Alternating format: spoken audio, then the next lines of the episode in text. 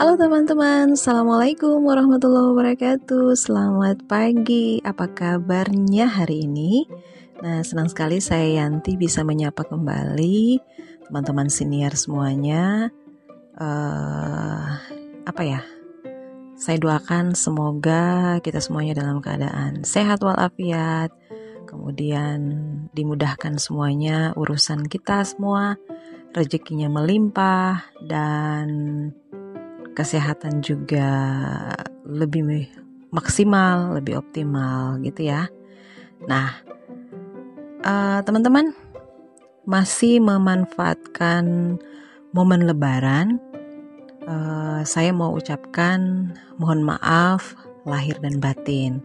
Semoga kita semuanya bisa kembali lagi menjadi manusia yang fitrah dan tentu saja semoga kita bisa dipertemukan kembali dengan bulan Ramadan dan bulan Syawal berikutnya. Amin ya.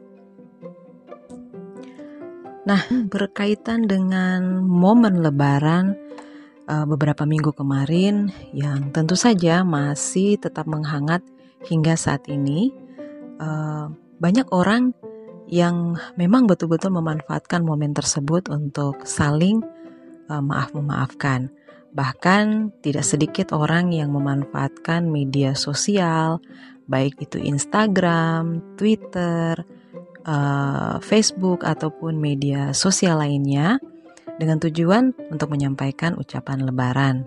Nah, mulai dengan tampilan foto bersama keluarga, pasangan, ataupun sahabat, dan juga teman-teman kantor. Nah, di samping uh, dengan tampilan seperti itu, ada juga beberapa orang yang memang uh, menyampaikan ucapan lebarannya melalui media sosial itu hanya dengan kalimat ucapan lebaran saja. Mohon maaf lahir dan batin dan sebagainya. Namun ada yang menarik dari semua itu. Kalau uh, yang biasa kita temukan nah, atau pasti semua sudah tahu di mana awal lebaran media sosial itu ramai dengan rentetan ucapan Lebaran. Mohon maaf lahir dan batin. Namun yang menariknya di sini, selang beberapa hari setelah Lebaran, beranda pun uh, mulai dihiasi kembali dengan status umpatan, keluhan, dan segala macam permasalahan. Kok bisa ya? ya bisa lah. Nama ju namanya juga uh, media sosial ya.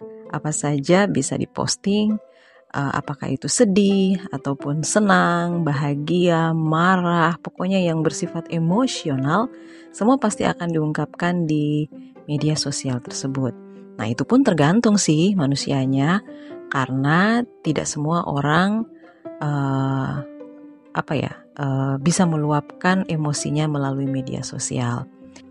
Ya, ada yang memang uh, spontanitas meluapkan emosinya mungkin didasari oleh keadaan pada saat itu uh, atau mungkin uh, ada yang apa namanya tiba-tiba spontanitas karena melihat sesuatu ya keadaan itu juga sih sebenarnya termasuk ya.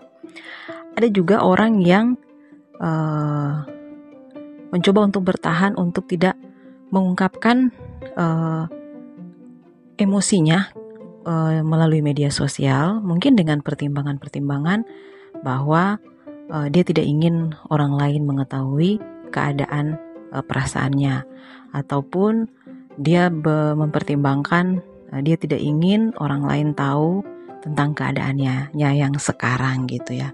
Jadi beda-beda sih manusianya ya uh, dalam uh, meluapkan emosinya. Ya seperti tadi ada yang uh, spontanitas di media sosial, ada yang mencoba untuk bertahan dan sebagainya. Nah, bagaimana dengan kalian? Salah satunya pasti uh, ada di diri kalian ya. Oke, kalau saya sih lebih apa ya? Cukup mengamati saja untuk meluapkan ya yang bahagia-bahagia aja deh yang diluapkan yang di apa namanya?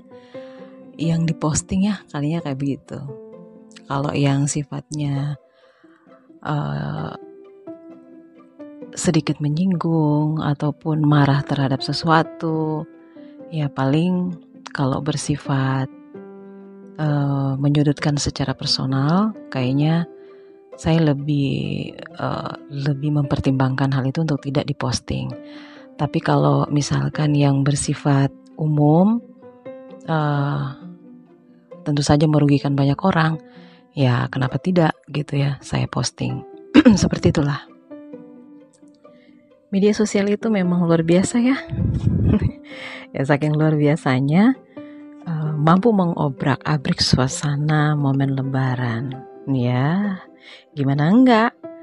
Bayangin ya, beranda kita yang tadinya penuh dengan suasana sahdu, ucapan saling maaf-memaafkan, tiba-tiba selang beberapa hari kemudian tampil deh status marah-marah, singgung menyinggung, yang pada akhirnya uh, saling berbalas status. Ya, belum lagi yang komen uh, pada ngompor. Lebih ngegas lagi tuh yang punya status. Ya, syukurlah kalau hanya sampai di status saja. Tapi kalau sampai berujung pada masalah hukum, nah berapa jadinya? Nah endingnya pasti berujung penyelesaian secara kekeluargaan. Ditambah lagi pakai materai. Oke lah kalau ikhlas saling memaafkan tapi kalau masih nyimpan, ya sama saja kagak gitu. Apalagi kalau masalah hutang piutang. Uh, kata teman saya, uh, masalah hutang piutang ini bukan masalah kriminal sebenarnya, tapi akibat hutang piutang ternyata bisa dapat memberikan dampak ke masalah kriminal juga apabila tidak terselesaikan dengan baik. Nah, ini baru bilang Media sosial itu keras guys. Sekali lo buat masalah, lo bakal viral. Bener nggak? Nah, kenapa sih kita tidak bisa memanfaatkan media sosial uh, dengan hal-hal yang bermanfaat? Atau paling tidak, statusnya kita, statusnya Anda, ya bisa memberikan hal positif lah ke orang lain. Nah, tentu saja apa yang saya ungkapkan ini pasti ada yang sepakat, ada yang keberatan, macam-macam. Dan saya yakin sebagian dari kalian ada yang sedikit keberatan. Ngapain sih lu Yanti? Status status saya bukan urusanmu. Saya mau posting marah-marah kek, mau ngeluh kek, mau sedih kek, mau apa? Mau eh macam-macam. Itu urusan saya. Urus saja dirimu sendiri. Oke, baiklah itu urusanmu. Tapi nggak ada salahnya kan kalau kita saling menyampaikan atau mengingatkan? Ya nggak? Gitu sih. Sekali-sekali sih nggak masalah. Tapi kalau setiap kali yang tampil di beranda kita, statusnya marah-marah melulu, nyinggung melulu, sekalipun bukan ditujukan ke kita, tapi kan dampaknya bisa ke kita juga yang baca. Ya, pikiran kita jadi ikutan negatif sama kayak dia. Kan gak asik. Akhirnya naluri naluri naluri kepo kita alias susupo itu jadi merontak. Ya, nambah lagi dong catatan buku dosa kita.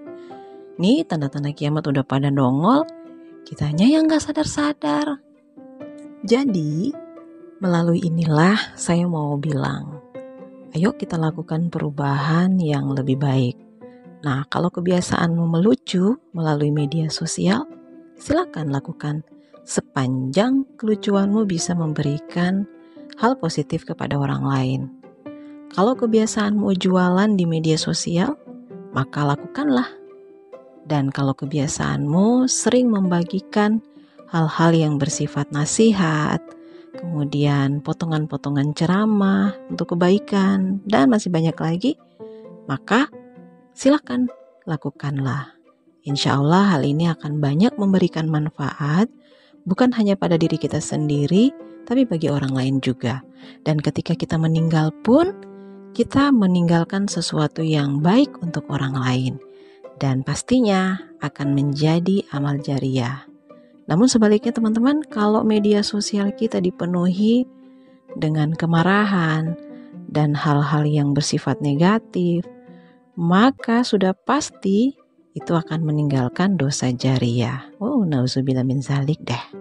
Nah, teman-teman senior, semoga apa yang saya sampaikan pada episode kali ini bisa bermanfaat dan pada akhirnya saya pamit. Wassalamualaikum warahmatullahi wabarakatuh dan salam maroso.